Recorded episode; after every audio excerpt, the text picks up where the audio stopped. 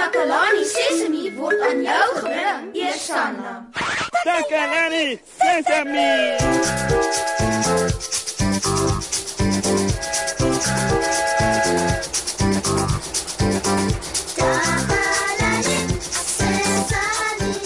Hallo liewe maat. Ja ja ja, vandag is ek vrolik.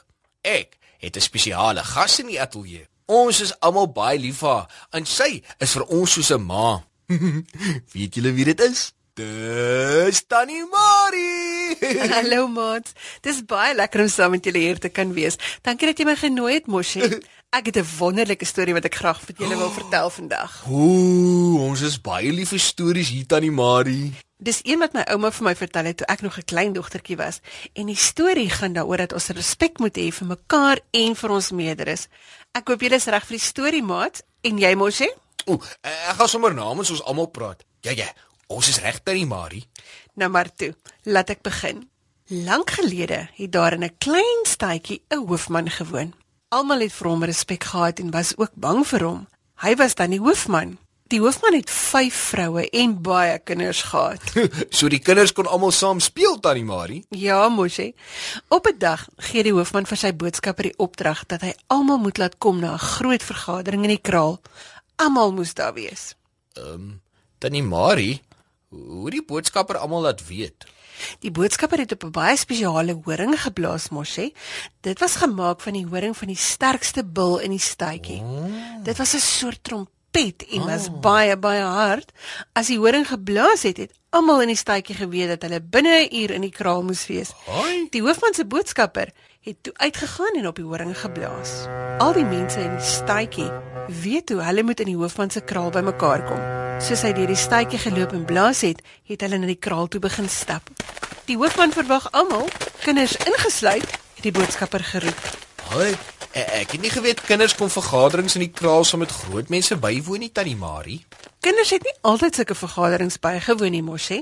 Dit was 'n baie spesiale vergadering omdat die hoofman 'n baie belangrike aankondiging wou maak. Mense het alles waarmee hulle besig was net so gelos en na die kraal toe gegaan. En toe sit almal. Vroue en kinders het op tapuite gesit en die mans op bankies. Toe is daar 'n man wat liedjies sing oor hoe groot en sterk die hoofman is.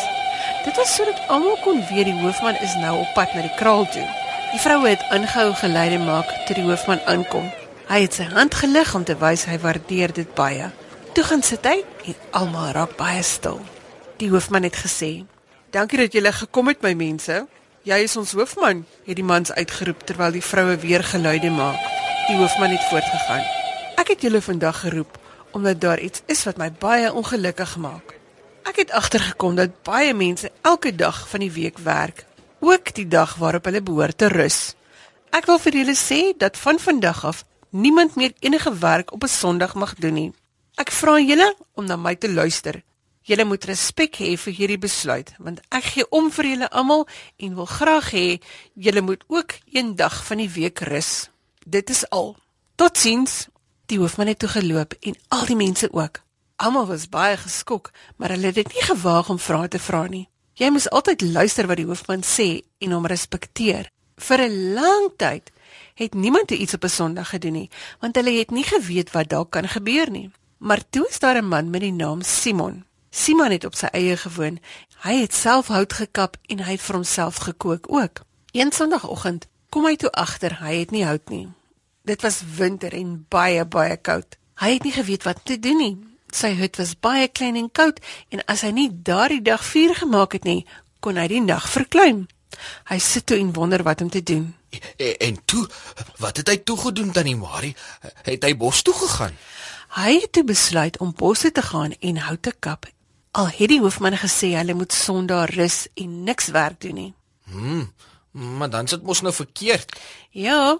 Simon het gedink hy kan vir die hoofman verduidelik hoekom hy dit gedoen het.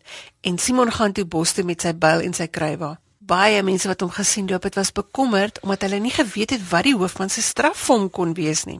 Hoe kan hy so ongehoorsaam wees? vra hulle.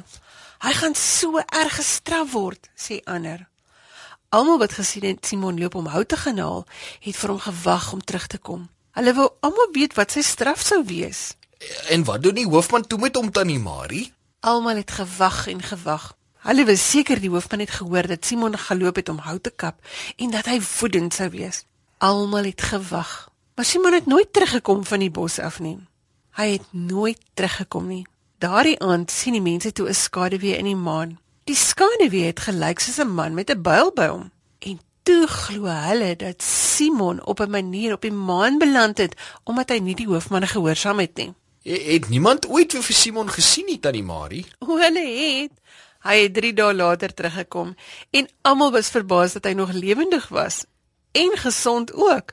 Toe hoor hulle dat die hoofman die oggend toe Simon bos toe is gehoor het dat hy gegaan het en hy het Simon baie jammer gekry.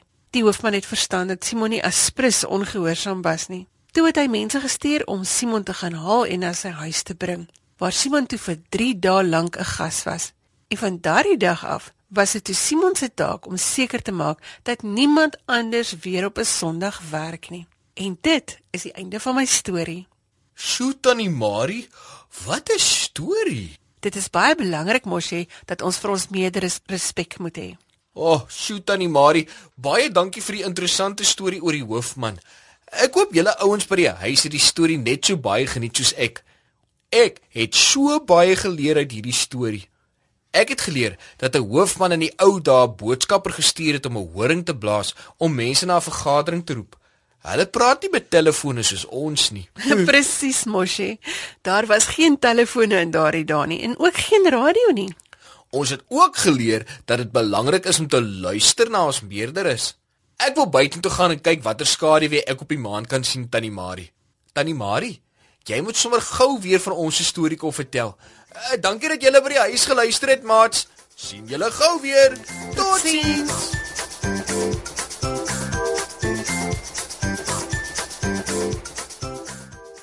Takalani Sesemi is mondelik gemaak deur die ondersteuning van Sanlam.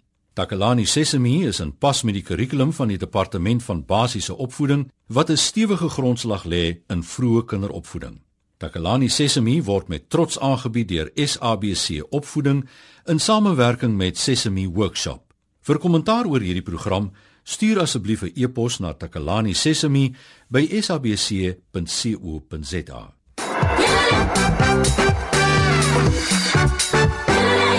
Yeah.